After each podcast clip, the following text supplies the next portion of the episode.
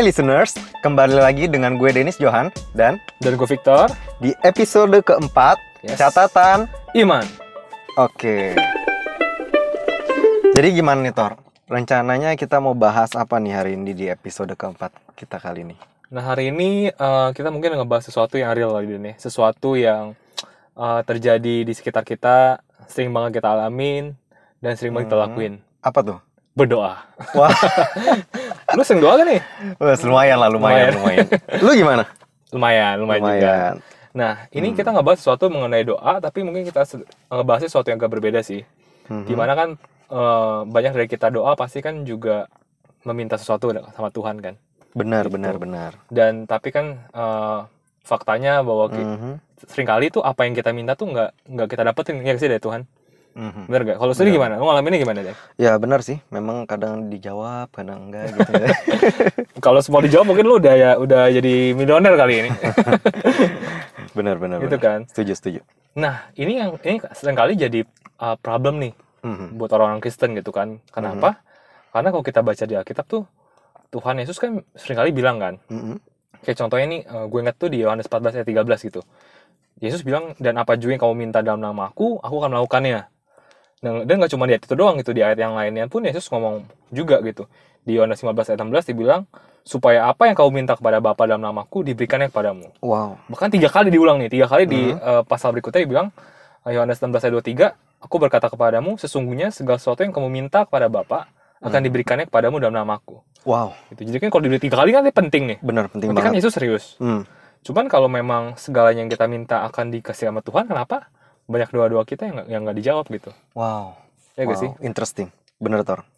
Dan dan ini menurut gua adalah suatu pertanyaan yang sebenarnya nggak cuman terkait dengan hal intelektual gitu, Hmm, benar. nggak cuman kayak kenapa ya, tapi kayak juga uh, sangat-sangat emosional gitu, ya gak sih? Iya bener banget sih. Terutama kan biasanya apa pun yang kita minta itu kan apa pun yang sebenarnya lebih ke dear buat kita ya. Maksudnya Betul, apa pun betul. yang penting banget buat kita. Setuju Bener, banget bener. sih Tor. Apalagi kadang kalau kita doa buat eh, terutama untuk orang tua ataupun Iya. untuk saudara-saudara atau teman yang atau pacar ya Benar-benar. atau pasangan ini memang terutama juga kadang masalah finance juga kali ya Tor ya. Hmm. Kadang kan ini yang kita kalau dikejar-kejar lagi utang gitu ya itu kan kita pasti pusing banget dan ini bukan cuma masalah intelektual sih benar kata lu ini juga akan arouse kita punya emosi banget sih Betul betul. benar Dan banyak orang kan jadinya suka bingung bahkan beberapa mungkin kepahitan gitu kan. Karena Iya. mungkin dia doa untuk anggota keluarga sembuh atau doa terhindar dari musibah tapi kayak benar benar itu hal-hal hal yang tidak diinginkan itu tetap terjadi gitu. iya Dan akhirnya mereka sih. mempertanyakan mengenai Tuhan dan segala Hmm, macamnya. benar benar Nah, menurut gue ini yang penting sih kita bahas sih supaya mungkin uh, kita dan juga para pendengar kita juga bisa dapat suatu pemahaman yang lebih baik lagi lah Hmm, mengenai perihal doa ini gitu. Oke Nah, yang menariknya ini trivia doang sih. Sebenarnya Hmm. tuh ada ada doa-doa yang sebenarnya tuh tidak mungkin bisa dijawab sama Tuhan sih menurut gua. wah maksudnya nggak bisa gimana Maksudnya contoh kayak gini Den ya. Misalkan kayak kita nih Den, kita Hmm. tanding. Ta- Kita tanding main apa yang berdua ya? Main catur misalkan. Kita tanding main catur berdua. Terus Ah. kita sama-sama doa sama Tuhan bayangin. gue gue doa sama Tuhan biar gue menang dan lu Ah. doa sama Tuhan supaya menang. Mungkin nggak doa ngabulin dua-duanya? Nggak mungkin kan? jadi seri Nggak mungkin kan? Pasti kalau cari yang menang Iya, pasti iya, salah iya. satu dari kita harus dijawab, satu kali ditolak. betul Jadi betul sebenarnya ada ada hal-hal yang memang terkait dalam doa yang memang Tuhan nggak mungkin bisa jawab kedua-duanya gitu. Hmm, Nah, oke. cuman menurut gua eh, ada beberapa respon atau beberapa upaya Mhm. tuh yang kita lihat di sekeliling kita nih Hmm, terkait dengan doa yang tidak terjawab ini tuh yang sebenarnya menurut gua agak-agak salah. Oke, tapi sebelum kita lanjut nih, Tor, Mhm. gue ya gue pengen nanya, maksudnya tadi kan lu eh, ngomong konteksnya adalah kompetisi ya. Mhm. Nah berarti eh, apa kita nggak boleh untuk mendoakan supaya kita itu menang? Karena kalau misalnya orang lain juga berdoa kan, tadi lu bilang kan berarti Hmm. doa kita berlawanan dong Mhm. di mata Tuhan. Nah jadi apa kita nggak boleh berdoa supaya kita menang atau gimana nih maksudnya? Boleh, boleh, boleh banget. Boleh banget. Cuman kita perlu mengerti gitu maksudnya kalau kita kita itu kan di perspektif kita kita mau menang gitu. Heeh, Tapi coba kita lihat di kaca- kacamata Tuhan gitu, perspektifnya Tuhan. Oke. gitu bahwa kayak dalam, dalam konteks ini ya Tuhan nggak bisa nggak mungkin bisa menangkan Hmm, dua-duanya yang benar. Tuhan bisa lakukan adalah Tuhan bisa hanya memperkirakan the best possible outcome gitu Oke. mungkin misalkan kalau kalau gue yang kalah mungkin gue akan lebih nggak bisa terima gitu Hah? di mana lu mungkin punya hati yang lebih besar gitu mungkin akhirnya Tuhan menangin gue misalkan Hmm. jadi ya kita kita nggak tahu sih cuma maksudnya dari kacamata Tuhan ki- kita coba melihat dari kacamata Tuhan dan gue yakin Hmm. Tuhan pasti akan uh, memilih ya the greatest possible outcome gitu Mm, oke dengan oke. wisdom yang dia punya Tapi kalau lu ngomong tadi kayak gitu Hmm. berarti seakan-akan meniadakan hard work-nya seseorang itu dong. Maksudnya berarti kan ah, mungkin Hmm. ada juga bagian hard work-nya orang Betul, betul, mungkin betul. dia lebih eh, berusaha Betul, gitu. betul. Akhirnya dia Mm. bukan cuma doa tapi dia juga menang. Bahkan mungkin dia nggak berdoa tapi dia hard work ya. Akhirnya dia- misalnya dia menang gitu. Hmm. Maksudnya kalau menurut lu kayak gitu bisa bisa bisa, bisa juga. bisa sebenarnya. juga jadi faktor banyak sih Hmm, dari perjuangannya mungkin dari imannya nah ini yang akan kita bahas nih. Sebenarnya faktor-faktor apa aja sih yang mempengaruhi uh, doa seseorang tuh bisa dijawab apa tidak gitu sebenarnya. Wow, interesting. Nah, cuman sebelum kita ngebahas gitu tuh menurut gua ada kita perlu ngebahas kayak hal-hal yang sebenarnya banyak kita lihat di sekeliling kita, Mm-mm. tapi sebenarnya mungkin agak sedikit apa ya? uh, misconception gitu terkait dengan doa-doa yang uh, tidak dijawab. Oke. Contohnya nih, menurut gue yang pertama adalah Mm-mm. kayak ini uh, mungkin kita sering lihat tuh kalau di ibadah-ibadah kesembuhan gitu Den, Healing ya. healing gitu kan. Heeh. Di mana kan biasa kan mereka suka at atal atal call kan manggil-manggil Iya, iya, siapa yang sakit Hmm. mungkin ada yang bisa sakitnya apa pincang lah atau matanya mungkin susah ngelihat Hmm, atau nggak bisa nggak bisa bukan. mendengar gitu kan Ah, ah. nah biasa kan preachernya tuh suka ngajak ke depan gitu kan Benar, benar. terus terus oke semua semua didoa doa didoakan supaya sembuh gitu Betul. Ah. nah ada yang sembuh Mm-mm. tapi ada juga yang enggak kan Iya. ada juga yang mungkin masih telinga masih sulit mendengar dan segala macam Hmm. Nah, menurut gua terkadang apa ada juga preacher yang bilang tuh bahwa kayak sebenarnya tuh kalau dia udah doain sembuh ya, Hmm. sebenarnya kesembuhan tuh sudah ada di dalam diri dia. Cuma karena imannya orang itu kurang, jadi dia dia nggak bisa apa ya Hmm. achieve kesembuhan itu gitu. Jadi misalkan ada yang kayak misalnya pakai kacamata nih karena Hmm. matanya susah ngelihat.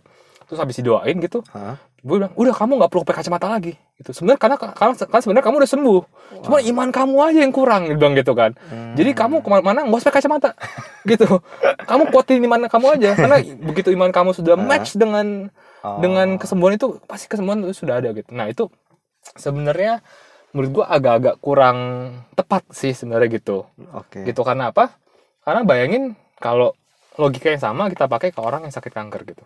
Hmm. Ada orang yang misalkan sakit kanker, Heeh, lalu didoakan, heeh. lalu besoknya meninggal. Apakah Hmm. artinya sebenarnya dia sebenarnya dia udah sembuh gitu? Cuman karena iman yang nggak kuat, makanya dia Hmm. Terlihatnya mati gitu sebenarnya udah sembuh kan kan nggak gitu juga Iya iya iya. Gitu. Make sense, make sense. jadi Benar, kayak eh, betul iman itu juga bisa menentukan kesembuhan seseorang tapi itu iman itu bukan satu-satunya tolak ukur sih gitu Hmm. jadi itu yang akan kita pelajari juga nanti eh, nantinya gitu Jadi nggak cuma iman ya, nggak cuma soal iman untuk kita Hmm. menerima kesembuhan gitu menurut lo. Betul, Ada faktor-faktor lainnya. betul betul Wow, interesting tuh. gitu nah itu miskonsepsi yang pertama Heeh. nah kedua ini miskonsep mis- menurut gue ya Heeh. miskonsepsi yang kedua nah ini yang kita juga sering denger sih bahwa eh, Tuhan tuh sebenarnya menjawab doa kita tapi jawabannya tapi jawaban Tuhan tuh antara tiga ini tuh? iya Heeh. tidak atau tunggu Hmm. nah ini terkesan sebenarnya eh, masuk akal gitu Iya. tapi sebenarnya kalau kita pikirin lagi sebenarnya kurang lebih sama gitu karena apa sih bedanya Heeh. doa yang tidak dijawab Heeh. sama do- doa yang dijawab tidak Bener juga ya. ya kan maksudnya Iya, iya, sebenarnya iya, intinya adalah dua-duanya tidak Sama-sama enggak gitu ya. sama-sama negatif sebenarnya Iya, bener. sama-sama nggak dapet lah intinya Iya, cuman iya, kayak iya, iya. uh, katanya aja berubah gitu Iya, benar benar. benar. statementnya berubah jadi sebenarnya Make problemnya tetap sama Betul.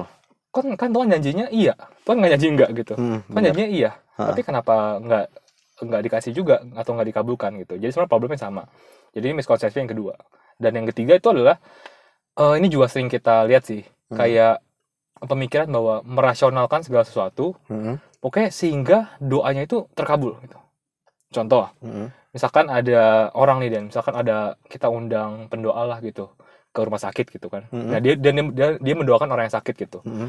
orangnya sakit parah lalu didoakan bahwa kayak di dalam nama Tuhan orang ini akan sembuh gitu Heeh.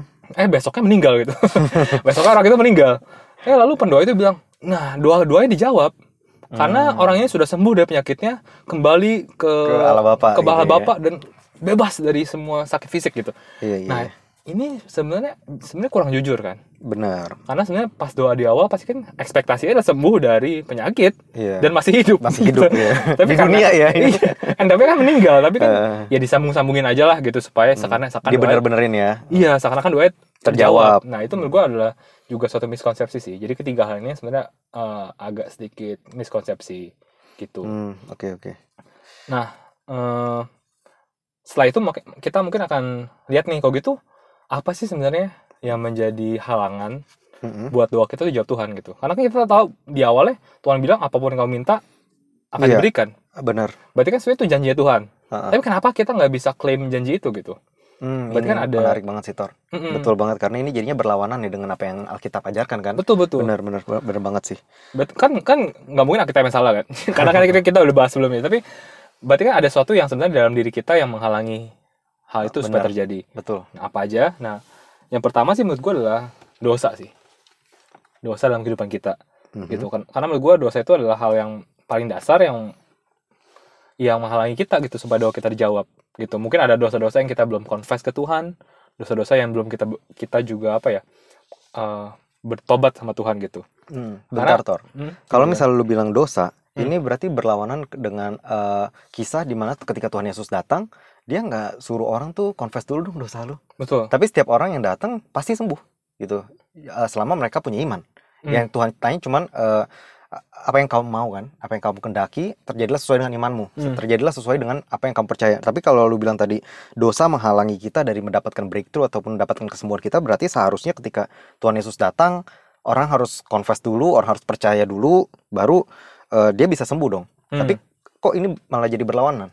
Hmm, oke nah eh, susah banget sih ini pertanyaannya karena karena eh, apa menurut gue pertama adalah sebenarnya ini adalah salah satu poin sebenarnya salah satu poin yang menghalangi doa kita dijawab tapi bukan satu-satunya Oke. bukan artinya kayak harus ini dulu karena betul banget kayak lu bilang di perjanjian baru banyak banget Yesus juga nggak minta kamu bertobat dulu ya Iya. harus saya sembuhin gitu kan Iya benar. tapi Tuhan cuma hmm, penyem- penyembuhan kan menyembuhkan dulu. heeh. nah itu pertama sih jadi maksudnya uh, dosa ini menghalangi Mhm. salah satu yang menghalangi cuma bukan salah satunya dan kedua menurut gua uh, konteksnya sih konteksnya adalah waktu itu kan Yesus melakukan pelayanan kan Mm-mm. dan saat Yesus menyembuhkan melakukan penyembuhan itu kan konteksnya pertama adalah membawa, pemulihan pastinya buat orang yang sakit tapi Benar. juga sebenarnya ingin menunjukkan menunjukkan kepada orang-orang yang sekitar dia betapa hebatnya kuasa Tuhan gimana dia juga ingin menunjukkan juga bahwa dia memang benar-benar adalah Mesias gitu jadi sebenarnya Hmm. konteksnya bisa dilihat dari beberapa dimensi yang berbeda sih nggak cuma dari segi eh, permintaan itu jawab apa enggak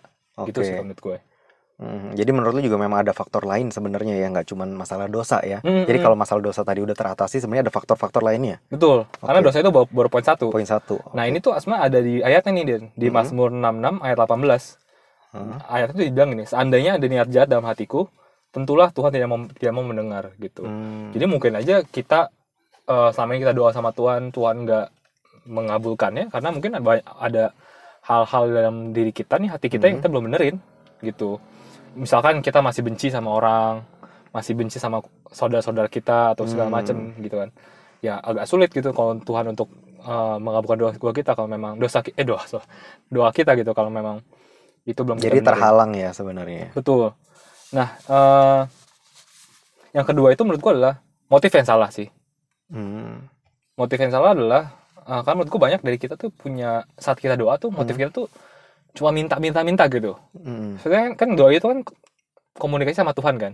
Hmm. Dan komunikasi itu kan nggak cuman minta sebenarnya kan. Iya benar, Iya gak sih? setuju. Ada juga kita bersyukur sama Tuhan, berterima kasih, kita curhat sama Tuhan, Benar. kita dengerin Tuhan, bener Betul, kan? Benar. Nah, tapi sering kali karena begini, bayangin kalau lu jadi orang tua nih, Den. Hmm. lu punya anak anak lu cuman kontak lu kalau dia mau minta sesuatu Hmm. Gimana perasaan lu gitu pasti sedih dong maksudnya kayak anaknya Benar, tuh nggak mau bangun hubungan tapi cuma mau minta-minta doang minta kalau Jadi vending machine ya gitu ya.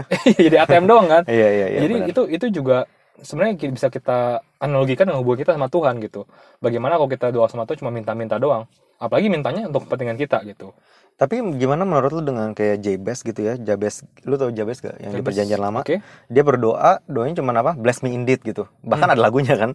Eh, Hmm. Perbesarlah teritoriku. Maksudnya berarti kayak seakan egois banget ya gitu. Maksud gue Hmm. tuh, apakah kita nggak boleh meminta apa yang kita mau sih? Maksudnya, apakah kita setiap kita berdoa nih harus tentang orang lain lagi, harus tentang orang lain lagi? Seakan-akan Hmm. apa maunya kita tuh kayak nggak penting buat Tuhan. Hmm. Kayaknya Tuhan maunya kita berkorban aja buat orang. Hmm, hmm, Nah, yang maksudnya ngerti gak sih? Maksudnya Iya, iya. kadang tuh itu yang ada di pikiran dan mungkin hati banyak orang ya maksudnya kayak kita Oke. menjadi Kristen apa kita harus mengorbankan diri kita terus berdoa untuk orang, orang lain biarlah diri kita nggak usah dapat apa-apa biar orang lain yang kaya yang Hmm. berhasil terus kayak seakan-akan kita nggak boleh minta apa pun yang kita inginkan gitu nah, nah kalau gitu jadi eh, seakan-akan jadi kita mengorbankan diri kita lagi Hmm. apa apa salah gitu kalau kita mau berdoa untuk sesuatu yang kita mau aja gitu hmm.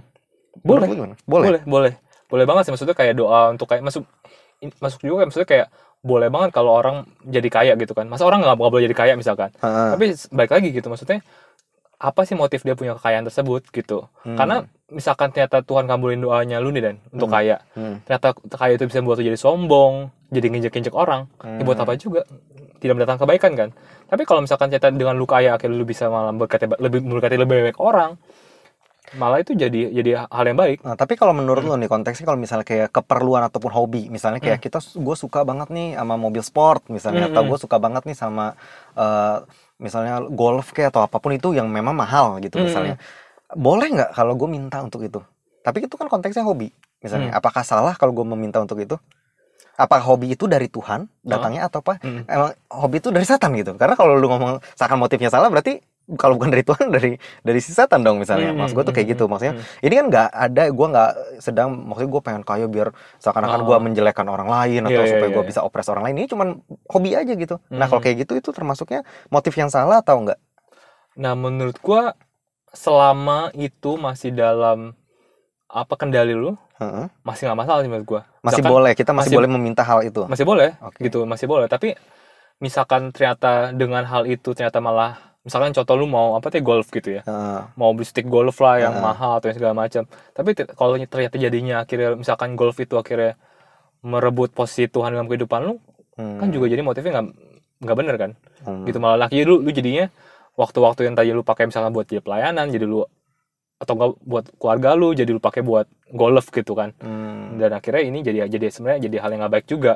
gitu jadi Oke. sebenarnya boleh-boleh aja sih gitu asalkan tahu bahwa motifnya istilahnya nggak cuman buat diri sendiri gitu tapi juga bisa bagaimana misalkan contoh misalkan lu punya motif ya gue mau mau hobi lu supaya mungkin lu lebih refresh Hmm. sehingga nantinya saat lu nanti lu ketemu keluarga lu lu juga bisa memberikan respon yang lebih Hmm. baik karena lu lebih refresh dong nggak stres resultnya ya sebenarnya oke. Jadi ujung-ujungnya sebenarnya kayak gitu sih. Iya, iya, boleh aja cuman asalkan motifnya tuh benar gitu. Hmm, hmm. karena di Yakobus 4 ayat 3 itu dibilang tuh atau kamu berdoa juga tetapi Hmm. kamu tidak menerima apa-apa karena kamu salah berdoa sebab yang kamu minta itu hendak kamu habiskan untuk memuaskan hawa nafsumu Hmm. jadi sama poinnya di sini sih Hmm. memuaskan hawa nafsumu doang atau enggak gitu Hmm. Nah, terus motif yang benar gimana sih nah motif yang benar sebenarnya udah lu sampaikan ini Nah. di episode sebelumnya gitu bagaimana kita bisa belajar dari Daud Hmm. Kok Daud ya Daud Daud kan Iya, bagaimana iya. kan lu pas lu cerita cerita di episode sebelumnya kan bahwa saat dia berperang kan dia bilang iya bukan biar Daud yang besar gitu tapi Iya, biar Tuhan yang biar besar Tuhan, nah iya. itu menurut gua Benar. adalah salah satu motif yang benar sih Hmm, hmm. gitu walaupun sebenarnya at the end kan juga Daudnya juga yang besar kan maksudnya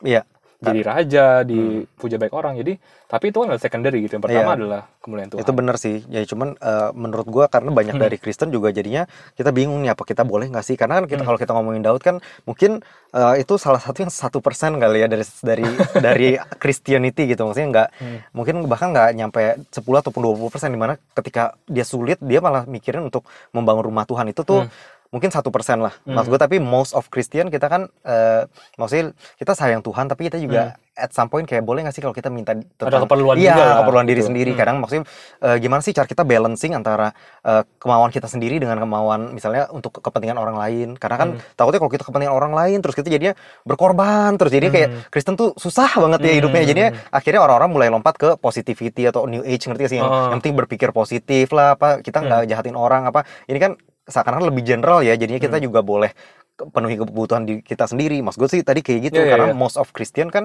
kita tinggal di mana kita juga mau bahagia kita. Sampai kan kita juga mau bahagia gitu Iya, sih iya. mas gue tuh.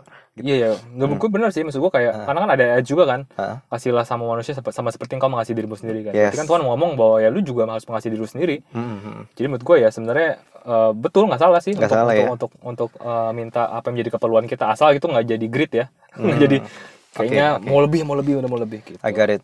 Nah poin berikutnya Hmm. menurut gue adalah yang menghalangi kita tuh karena imannya kita tuh apa ya lack of faith gitu atau iman kita tuh mungkin nggak nggak aktif gitu. Hmm. Karena apa? Karena apa dasar ayatnya itu di Markus 11 ayat 24 gitu. Hmm. Dibilang gini, karena itu aku berkata kepadamu, apa saja yang kamu minta dan doakan, Hmm. percayalah bahwa kamu telah menerimanya gitu. Sebenarnya sudah diterima, maka hal itu akan diberikan kepadamu gitu. Hmm. Dan juga di Yakobus 1 ayat 6 sampai 8 sih, ini menguatkan banget sih. Dibilang, hendaklah ia meminta dalam iman dan sama sekali jangan bimbang. Sebab orang yang bimbang sama dengan gelombang laut yang diobang-ambingkan kian kemari oleh angin.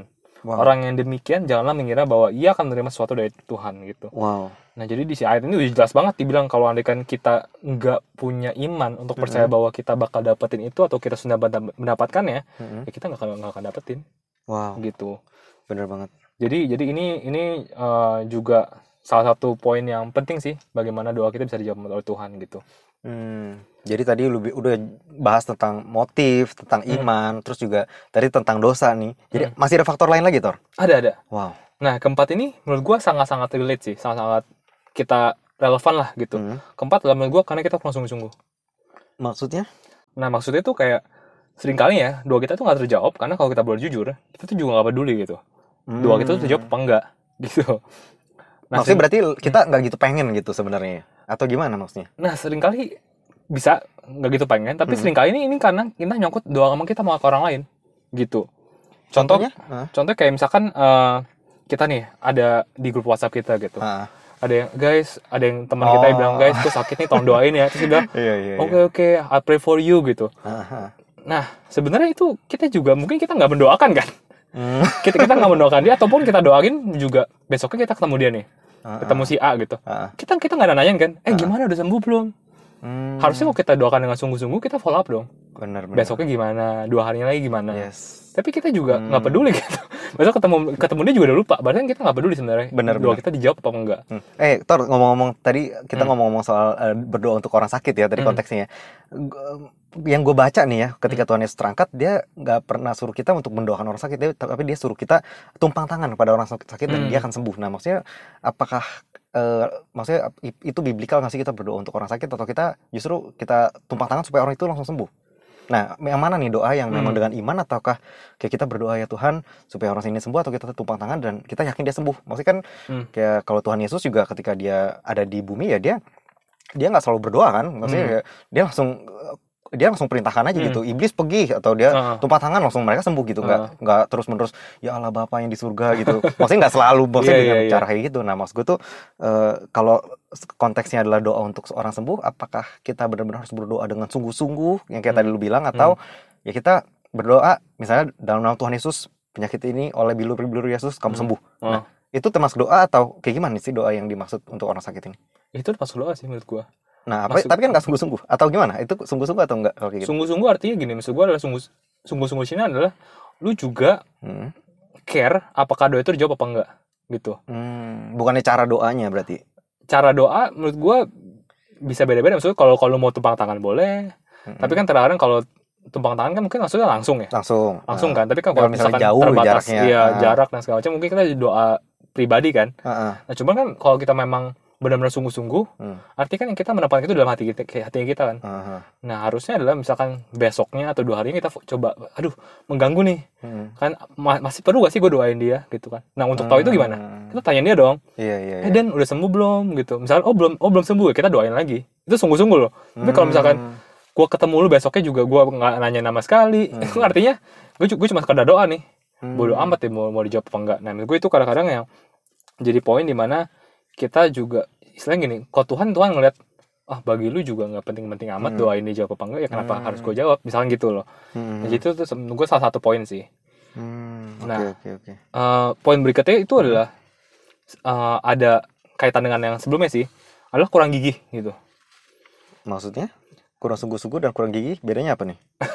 kurang gigih itu artinya adalah kita gampang nyerah gitu artinya ini apa kita doa sekali dua kali itu sudah kita kita nggak doain lagi gitu Hmm. nah, karena kan apalagi kan beberapa banyak orang apa banyak orang Kristen juga percaya bahwa kayak ngapain sih kan Tuhan udah tahu? Hmm, cukup doa sekali aja lah. Tuhan juga udah tahu udah give give apa apa biarin Hmm. biarin Tuhan. Yang penting kita udah ngomong kita nggak perlu doain lagi. Nah, nah tapi gue jujur ya gue kurang sependapat gitu.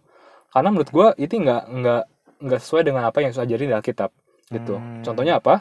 Contohnya itu di Lukas 11 ayat 5 sampai 8 Hmm. itu tuh ada Tuhan Yesus ngomong sebuah per- perumpamaan gitu Heeh. perumpamaan di mana satu orang dia ada tamu tiba-tiba datang tengah malam ke rumah dia Hmm. dia butuh roti tapi dia nggak ada roti Hmm. akhirnya pergi ke tetangganya Hmm. dia gedor-gedor minta roti cuman tetangga lagi tidur Heeh. tapi karena dia persisten Heeh. dia ketok tok tok terus Heeh. akhirnya tetangganya bangun dan kasih dia roti gitu bahkan di Wow. perumpamaan lainnya tuh di Lukas 18 ayat 1 sampai 1 sampai 5 itu tuh perumpamaan yang janda hakim kan Yes. di mana hakim tersebut tadi juga nggak mau ngabul ngabulin pemerintahannya si janda ini Hmm. cuman dibilang karena janda ini keep uh, pestering him gitu Gue Hah? kayak gangguin terus ya hakim ini akhirnya hakimnya ngabulin gitu Nah, Jadi menurut Hmm. lu kita harus doa meminta lagi dan lagi dan lagi setiap harinya. iya menurut gue jangan jangan jangan jangan nyerah gitu Tapi bukannya di Markus 11 ayat Hmm. 24 dikatakan bahwa ketika engkau berdoa eh, percaya bahwa engkau telah menerimanya. Hmm, Nah, hmm. ini berlawanan ketika kita berdoa kita harus percaya tapi kalau kita udah percaya kita udah terima kenapa kita harus minta lagi dan minta lagi?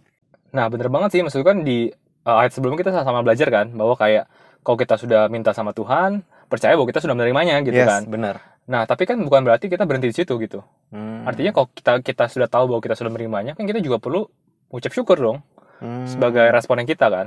Nah, jadi mungkin ya kita doa-doa berikutnya kita bersyukur sama Tuhan bahwa Hmm. kita percaya bahwa Tuhan, Tuhan sudah memberikan pada kita, but the blessing is on the way gitu. Hmm, jadi ini lebih karena doa thanksgiving gitu ya. Iya, iya betul betul Oh. betul. Jadi ya kita juga harus mendoakan hal itu sih sampai Oh. hal itu terjadi. Oke, oh ya Tor, gue juga mau nanya nih, maksudnya ini kan ngomong tentang kurang gigi dan kurang sungguh-sungguh nih, ini menarik banget karena eh, jujur gue termasuk orang yang kurang gigi dalam berdoa. nah, jadi Ah. maksudnya eh, karena banyak juga nih, kadang gue bingung ya, kadang kita tuh lagi gigi atau auban, ngerti gak sih? Kadang Hmm. maunya kita eh, A misalnya, tapi Hmm. gue takutnya itu mungkin eh, misalnya bukan Tuhan yang mau gitu atau bukan God's best gitu ya. Jadi Hmm. maksudnya gimana cara kita menyeimbangkan antara kegigihan dan keaubanan kita gitu maksudnya kekeras kepalaan kita lah maksud gue Hmm. gitu gimana menurut lu Tor? Ah, sebenarnya sih gue melihat sebenarnya dengan itu hanya bedain kata doang sih maksudnya kayak auban kesannya negatif gitu kan gigi itu kesannya positif gitu sebenarnya kan Hmm, apa apa yang aktivitas sama kan kalau lebih kan iya sama-sama keras pada pendiriannya Iya. nah baik lagi kita fokusnya ke pendiriannya sebenarnya Mhm. karena menurut gue kita memperjuangkannya hal itu benar apa enggak gitu maksudnya apa yang kita perjuangkan itu Mhm. apa yang kita doakan terus sama Tuhan itu sebenarnya eh, punya motif yang benar apa enggak sih gitu nah kalau andaikan kita sendiri sulit untuk bisa menilai motifnya benar apa enggak Mhm. mungkin ya kita bisa coba sharing ke orang sih menurut gue salah satu salah satu Hmm.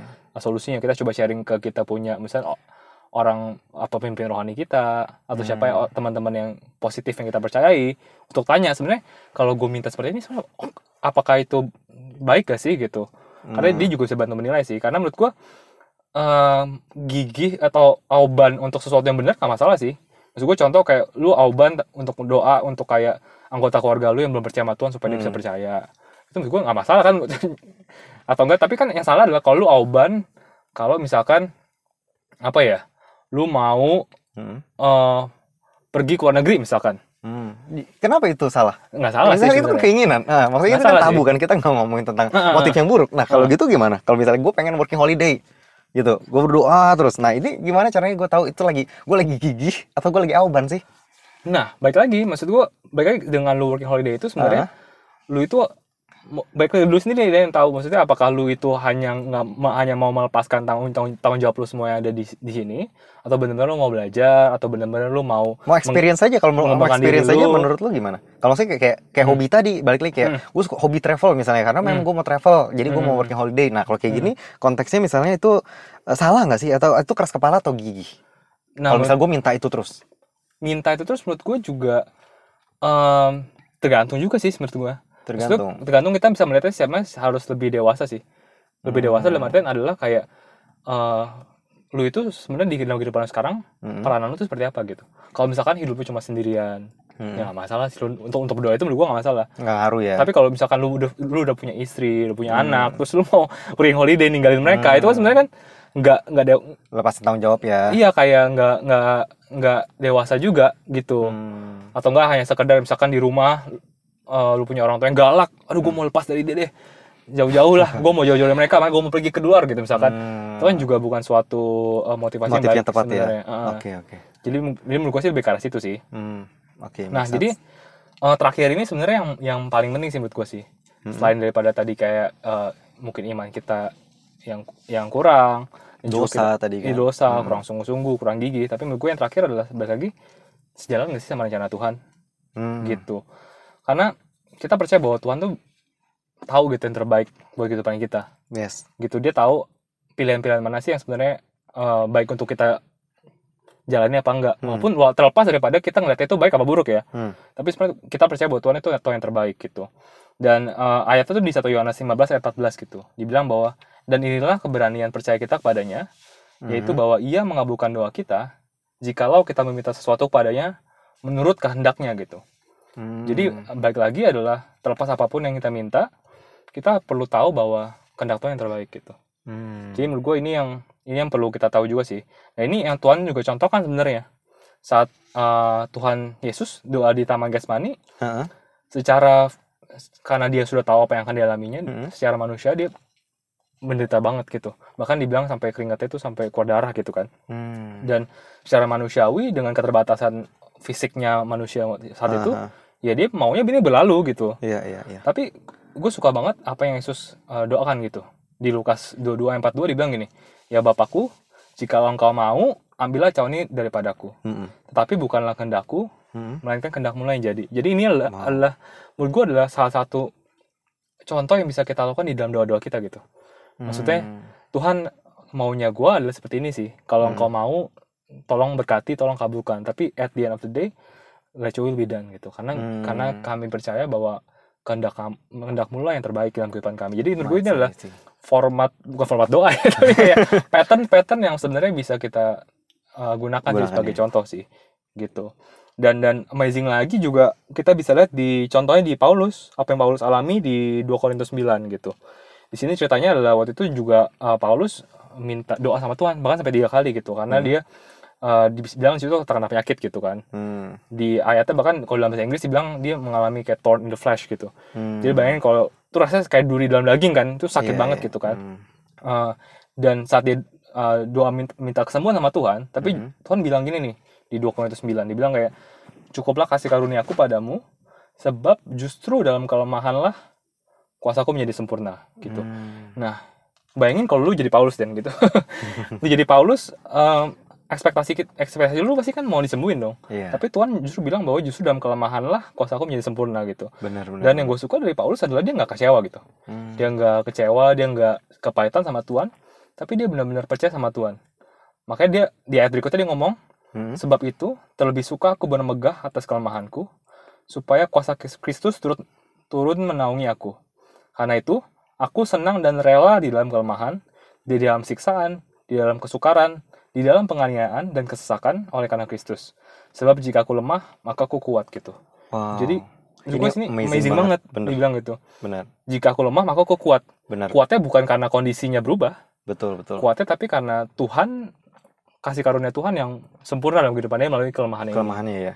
jadi kayak ini yang kita bisa pelajari sama-sama sih gitu bahwa kayak dalam kita mengalami apa menjalani mungkin hal yang gak enak penderitaan Hmm. itu sering kali itu mungkin juga bisa ada ada hal-hal yang Tuhan mau ajarin ke kita gitu ada Hmm. ada hal-hal yang Tuhan mau singkap sih melalui hal-hal kesulitan-kesulitan yang kita alamin Hmm, tapi kalau kita. lu bilang tadi Hmm. eh, ada hal-hal yang Tuhan mau Hmm. ajarin ke kita dan Hmm. di sini konteksnya misalnya Paulus misalnya eh, lu bilang tadi penyakit, Hmm. itu berarti apakah Tuhan mengajarkan kita dari penyakit?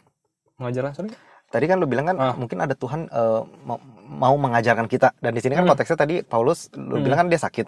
Hmm. Nah, apakah Tuhan eh, mengirimkan penyakit supaya mengajari kita? Eh, kalau konteksnya Paulus sih di ayat sebelumnya kan dibilang Hmm. bahwa eh, Paulus juga berkata sih supaya Hmm. dia jangan meninggikan dirinya sendiri. Nah dalam Hmm. konteksnya kalau dalam kita menurut gue adalah bisa kayak sering kali kan banyak orang yang kayak merasa dirinya tuh luar biasa gitu kan. Hmm. Tapi sering kali justru saat sakit tuh mereka realize gitu bahwa mereka tuh nggak ada apa-apa di hadapan Tuhan. Hmm. Dan bahkan bahkan dari melalui kayak sakit biasa banyak orang-orang yang akhirnya mulai doa lagi sama Tuhan, Hmm. mulai bergantung sama Tuhan, mulai akhirnya mengakui bahwa ya kuasa Tuhan tuh luar biasa dan meminta kuasa Tuhan itu untuk menyembuhkan dia, mereka gitu. Jadi terkadang menurut gua kalau dalam beberapa kes- kesulitan-kesulitan, Hmm. konteksnya adalah salah satu yang adalah melalui penyakit adalah itu sih yang bisa diajarin gitu. Hmm, tapi bukan berarti penyakitnya dari Tuhan gitu kan? Iya bukan, Oh, bukan, bukan, bukan, bukan.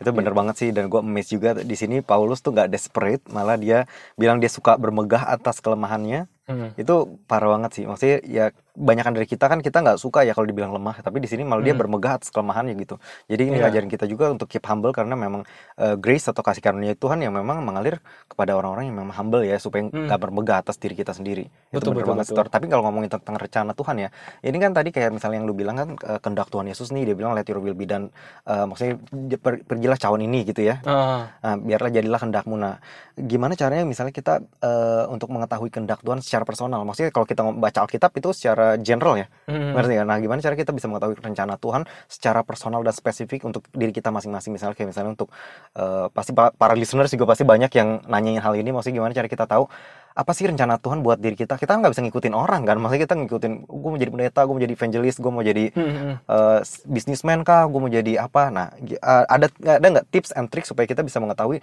rencana sempurna Tuhan untuk diri kita gitu kita diciptakan untuk apa secara personal ya maksudnya kayak tadi kan uh, untuk Tuhan Yesus misalnya dia Hmm. memang diciptakan untuk uh, menjadi salvation gitu sesuai dengan namanya nah Betul, gimana betul. dengan uh, personal ke diri setiap orang Kristen masing-masing Nah, menurut gue ini pertanyaan menarik sih, karena ini Hmm. pertanyaan sebenarnya erat banget sama purpose. hmm Bener gak sih? benar-benar Dan bedanya kita sama Tuhan Yesus adalah Yesus itu Tuhan. Jadi sebenarnya dia, dia, dia, dia tahu apa dia yang udah dia, tahu iya apa yang benar dialami. Iya, benar bedanya sama kita, kita nggak tahu. kita gitu. nggak ah iya Dan sebenarnya menurut gua kalau kita ber- pertanyaan adalah bagaimana kita tahu, Heeh. kita nggak akan pernah tahu sebenarnya. nggak akan pernah tahu Kita nggak akan pernah fully understand rencana Hmm. Tuhan. Karena kita bisa fully understand yang kita Tuhan sebenarnya. Jadi sebenarnya sampai kapan pun Hmm. um, wisdomnya kita nggak akan bisa menyamai wisdomnya Tuhan. Hmm. Jadi untuk untuk mengetahui persis bagaimana apakah rencana Tuhan dalam kehidupan kita Hmm. Dan itu menurut gua nggak akan nggak pernah bisa sih. nggak pernah bisa Tapi bukan arti kita kelulus, bukan arti kita akhirnya yaudah ya udahlah ya terserah gitu kita kan kita ikutin apa alurnya air ini. air gitu iya, ya Iya nggak nggak nggak sih. juga Nggak Ah. juga karena menurut gua gini satuan ciptaan kita itu kan kita diberikan karakteristik yang spesial kan, yes yang berbeda satu dengan yang lainnya. Mm-mm. Pasti ada purpose-nya Hmm. gitu. Nah menurut gua adalah bagaimana pertama adalah kita juga penting untuk kita juga mengetahui diri kita sendiri dulu sih. Hmm. Pertama siapa diri kita di, di hadapan Tuhan dan Hmm. juga apa sih yang sebenarnya Tuhan Tuhan, Tuhan tuh titipkan dalam kehidupan kita Hmm. sebenarnya gitu. Bisa juga karena unik kan? Karena kalau Tuhan rencananya sama buat semua orang kenapa diciptakan tiap orang beda-beda gitu? Iya benar, bahkan itu fingerprint beda-beda kan? Betul betul betul. Karakter karakter orang berbeda-beda personality orang Yes, beda-beda true. hobi yang orang beda-beda benar. strength orang tiba beda-beda ada Lionel Messi langsung main main Iya, iya, setahun dua tahun jago kayak gue Ah. main 10 tahun gue nggak jago-jago gitu kan Iya, pasti ada iya. talenta-talenta juga yang Tuhan titipkan nah itu Iya, yang menurut gue kita perlu tahu juga sih salah Hmm. satunya sih cuman itu kan bah lama sih kok kita itu salah satu topik lainnya purpose oke sih oke oke tapi tapi gue itu salah satu salah satu hal yang bisa kita bahas ya bahas betul Hmm. Oke, jadi apalagi nih yang apa itu udah faktor terakhir belum sih? Maksudnya yang tadi kan lu Hmm. udah bahas eh, faktor-faktor yang m- menghalangi doa kita lah Hmm. karena kurang bersungguh-sungguh, kurang gigi, dosa dan lain-lain. Hmm. Apa ada lagi faktor lainnya, Tor? Eh, nggak ada sih sebenarnya sebenarnya kalau clear ya? kalau faktor-faktor sih sebenarnya itu cuma Hmm. mungkin ada satu hal yang kayak eh, gue lumayan sering denger sih tapi ini sebenarnya bukan kalau tadi kan kita ngebahas mengenai Ah. sesuatu yang emosional intelektual iya, nah iya, ini sebenarnya lebih ke filosofi sih filosofi kayak atau gue atau dulu pernah mikirin apa enggak ya Mm-mm. cuman kayak banyak orang tuh eh, berpikir kayak gini terutama yang skeptis gitu Heeh. kan Tuhan bilang kan segala sesuatu sudah ditetapkan Hmm. Tuhan sudah melakukan awal dari akhir akhir Ah. dari awal kayak segala sesuatu itu Tuhan sudah tetapin gitu Mhm. buat apa kita berdoa gitu buat apa kita berdoa untuk sesuatu yang sudah sudah ditetapkan Hmm. kalau andaikan doa kita nggak bisa merubah apa pun buat apa berdoa gitu Iya. make sense kan Make maksudnya sense, make sense. kalau doa kita nggak nggak berubah apa pun ketetapan Tuhan ya buat apa berdoa Benar, Nah, benar, benar. tapi kalau sebaliknya kalau doa kita itu merubah ketetapan Tuhan Mm-mm. berarti ya Tuhan Tuhan nggak tahu dong nggak serba tahu gitu ya iya sebenarnya. Tuhan nggak maha tahu gitu Hmm. karena kalau Tuhan maha tahu harusnya di situ memperhitungkan itu gitu Hmm. jadi ini adalah suatu kayak apa ya pedang bermata dua gitu yang yang banyak orang Kristen juga bingung gitu jadi "Ih, yang Hmm. bener yang mana ya gitu takdir gitu sebenarnya ya. Lebih ke takdir ya, gitu ya. Iya gitu kan. Hmm. Jadi kayak eh ba- jadi akhirnya intinya adalah doa kita tuh ngaruh apa enggak sih sebenarnya gitu Iya, kan. iya, iya. Nah, menurut gue tuh eh, masalah ini tuh sebenarnya erat banget tuh sama kalau pernah dengar tuh kayak predestination versus free will gitu.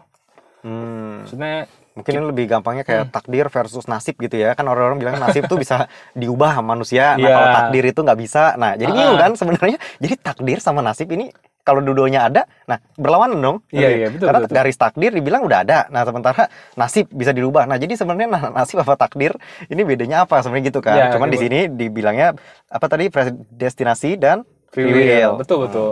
Nah, jadi eh, cuman mungkin kita akan tarik karena kita lagi tema doa. Fokus ke doa kali Oke, ya. oke, oke. Gitu jadi eh, menurut gue tuh gini, sering kali itu kita berpikir tuh bahwa Tuhan tuh hidup atau Hmm. Tuhan tuh eksis Hmm. di masa kita gitu. Mhm. Kayak sekarang sekarang ya Tuhan hidup sekarang gitu. Jadi Tuhan pun nggak Hmm. tahu besok kita gimana. Jadi itu menurut gue salah sih. Karena kan waktu itu adalah ciptaan Tuhan, betul ya? betul. Karena Tuhan menciptakan waktu, oleh karena itu Tuhan nggak mungkin berada di dalam waktu. Benar. Tuhan berarti harus di luar daripada waktu. Untuk menciptakan waktu. Betul. Iya. Dan kalau andikan Tuhan menciptakan waktu, artinya Tuhan tuh nggak terikat oleh waktu. Betul. Dia timeless lah gitu. Jadi dia Yes. bisa dia bisa kapan pun pergi ke 100 tahun yang lalu, maju ke 1000 tahun yang akan datang, itu Benar. bisa aja gitu. Setuju. Dan oleh karena itu sebenarnya dengan dengan dengan logika berpikir seperti itu kita bisa tahu bahwa sebenarnya Tuhan tuh udah tahu sebenarnya Hmm. Tuhan sudah tahu apa yang kita masih bingung sebenarnya Iya, contoh iya, nih iya. Dennis nih misalkan gue gak apa-apa pakai contoh lu ya Boleh, boleh. misalnya, misalnya lu pengen satu harapan lu dan lu pengen S2 ke Italia misalkan Amin. gitu ya misalkan ya nah hari ini hari ini lu kerja sibuk banget nih Den Heeh. sibuk banget tuh pulang malam nih Heeh. lu bingung nih lu nggak kalau buat lu ya buat Dennis lu nggak tahu kalau malam ini lu bakal sempat doa apa enggak Hmm. gitu sempat doa gak sih Bu- sempat doa apa enggak supaya S2 lu diterima gitu kan Hmm. nah buat lu masih bingung Ah. nah sebenarnya Tuhan yang berada di luar pada waktu dia udah tahu sebenarnya Hmm. dia udah tahu malam ini Dennis akan berdoa I see, gitu I oleh, see. oleh karena Dennis akan berdoa malam ini Mm-mm. maka Tuhan menetapkan bulan depan Mhm. aplikasi lo akan diterima gitu Oh. jadi kayak sebenarnya konsepnya seperti itu sih jadi sebenarnya eh, manusia tetap punya free will Mm-mm. tapi ketetapan Tuhan juga tidak berubah Karena dia udah tahu. Karena Iya. dan kalau mis- misalkan misalkan ternyata memang Tuhan taunya adalah dengan uh, knowledge, apa knowledge yang dia punya Ah, Tuhan tahu bahwa Dennis nggak akan berdoa Mm-mm. maka ketetapan Tuhan ya jadi nggak akan diterima. Misalnya kayak gitu ya. Hmm, jadi sebenarnya kalau dibilang doa doa itu punya pengaruh apa enggak? Ya punya Hmm. punya kekuatan apa? Punya. Tapi tidak merubah ketetapan Tuhan. Tapi ketetapan Tuhan dibuat berdasarkan ke, uh, pilihan yang bebas yang lo pakai gitu Hmm, Ngerti gak? Ngerti ngerti. Berarti predestinasi juga sama pun eh, sama free will ini berjalan berbarengan ya sebenarnya. Betul, betul, betul. Karena memang intinya kan Tuhan berada di luar waktu dan ya memang dia udah prediksi apa yang akan kita pilih juga Hmm. sebenarnya apa yang kita doakan, apa yang Betul, kita sampai kita akhir hidup kita sebenarnya gitu kan. iya jadi Hmm. itu istilah nggak ada yang surprise lah buat Tuhan Hmm, I dan see, ini tuh see, sebenarnya see. s- ada teori itu sebelum teori middle knowledge sih wow, jadi apa kalau tuh, Tor? Ya ini sebelum mengenai ini jadi kalau teman-teman di luar sana penasaran maksudnya gimana ya mungkin bisa coba search middle knowledge nah ini sebenarnya adalah teori mengenai ini sih gitu Hmm. nah ini tuh mungkin kalau teman-teman masih agak bingung nih ini Hah? ini gua menarik sih lu sempat nonton Avenger gak Nonton dong. kan Avenger terakhir tuh ada dua part tuh kan Iya, ada iya, Infinity iya. Ah. War sama Endgame Endgame. nah ini eh, menurut gua analogi yang sebenarnya mir- mirip-mirip sih Hmm. Jadi kayak gue mau highlight dua karakter di film itu. Ada Doctor Strange sama Iron Man. Ya kan? Bener banget. Nah, kalau di Infinity War kan si ceritanya tuh si ada si Doctor Strange kan bisa melihat masa depan tuh. Oh, iya, Dia tahu iya. bahwa ada 14 juta kemungkinan ada Ah, satu kemungkinan ada satu bahwa yang menang. menang gitu kan Menang, Avenger ya iya, kan. iya, iya. Nah, akhirnya eh di Infinity dan dia tahu kan sebenarnya di Infinity War dia udah tahu sebenarnya caranya Hmm. adalah gimana Ah, Iron Man harus ngorbanin di- dirinya sendiri gitu. hmm. Cuman dia nggak ngomong apa-apa kan. Iya, iya, iya. Nah akhirnya si kena snap kan, Doctor Ah. Strange hilang Ah. segala macam. Akhirnya di endgame final finalnya dia bangkit muncul, lagi Hmm. Doctor Strange. Nah di situ menurut lu si Tony Stark Iron Man itu bebas gak memilih untuk dia ngorbanin dirinya apa enggak? Dia bebas. Bebas kan? Bebas. Hmm. Tapi dia ti- tidak melawan takdir. Maksudnya tidak melawan apa yang sudah ditetapkan kan? Hmm. Gitu. Jadi gitu gitu. apa yang udah diketahui sama si Doctor Strange gitu iya, ya. gitu. Jadi sebenarnya Oh. kalau lebih kayak gitu. Jadi eh terus Doctor Strange itu istilah kayak Tuhan gitu. dia, dia, dia sudah menetapkan semuanya segala sesuatu yang sudah Ah. ditetapkan. Nah, tapi itu tidak menghalangi free will daripada kita Hmm. untuk melakukan itu. Dia udah Gitu. tahu sebenarnya. Dia udah tahu sebenarnya, tapi tetap aja konteksnya waktu itu juga Iron Man bebas. Bukan Hmm. terpaksa kan gitu kan. Tapi dia free will-nya, dengan free will-nya dia melakukan mengorban dirinya Hmm. gitu. Berarti Jadi, intinya memang apa pun yang kita lakuin sekarang sebenarnya Tuhan udah tahu juga ya. Udah tahu. Sebenarnya Intinya apa kita mati gitu ya. iya, iya udah tahu. Oh, Jadi I sebenarnya oleh karena itu kenapa itu pentingnya itu kita berdoa juga sih. Hmm. Karena doa kita tuh punya power untuk bukan mengubah ketetapan Tuhan, tapi untuk untuk kayak bagaimana Tuhan menetapkan itu gitu loh pada pada pada awal mulanya gitu. Hmm. Justru malah kalau kita nggak berdoa memang jangan-jangan itu udah diprediksi udah Iya. diprediksi kita nggak berdoa gitu ya Iya. sebenarnya.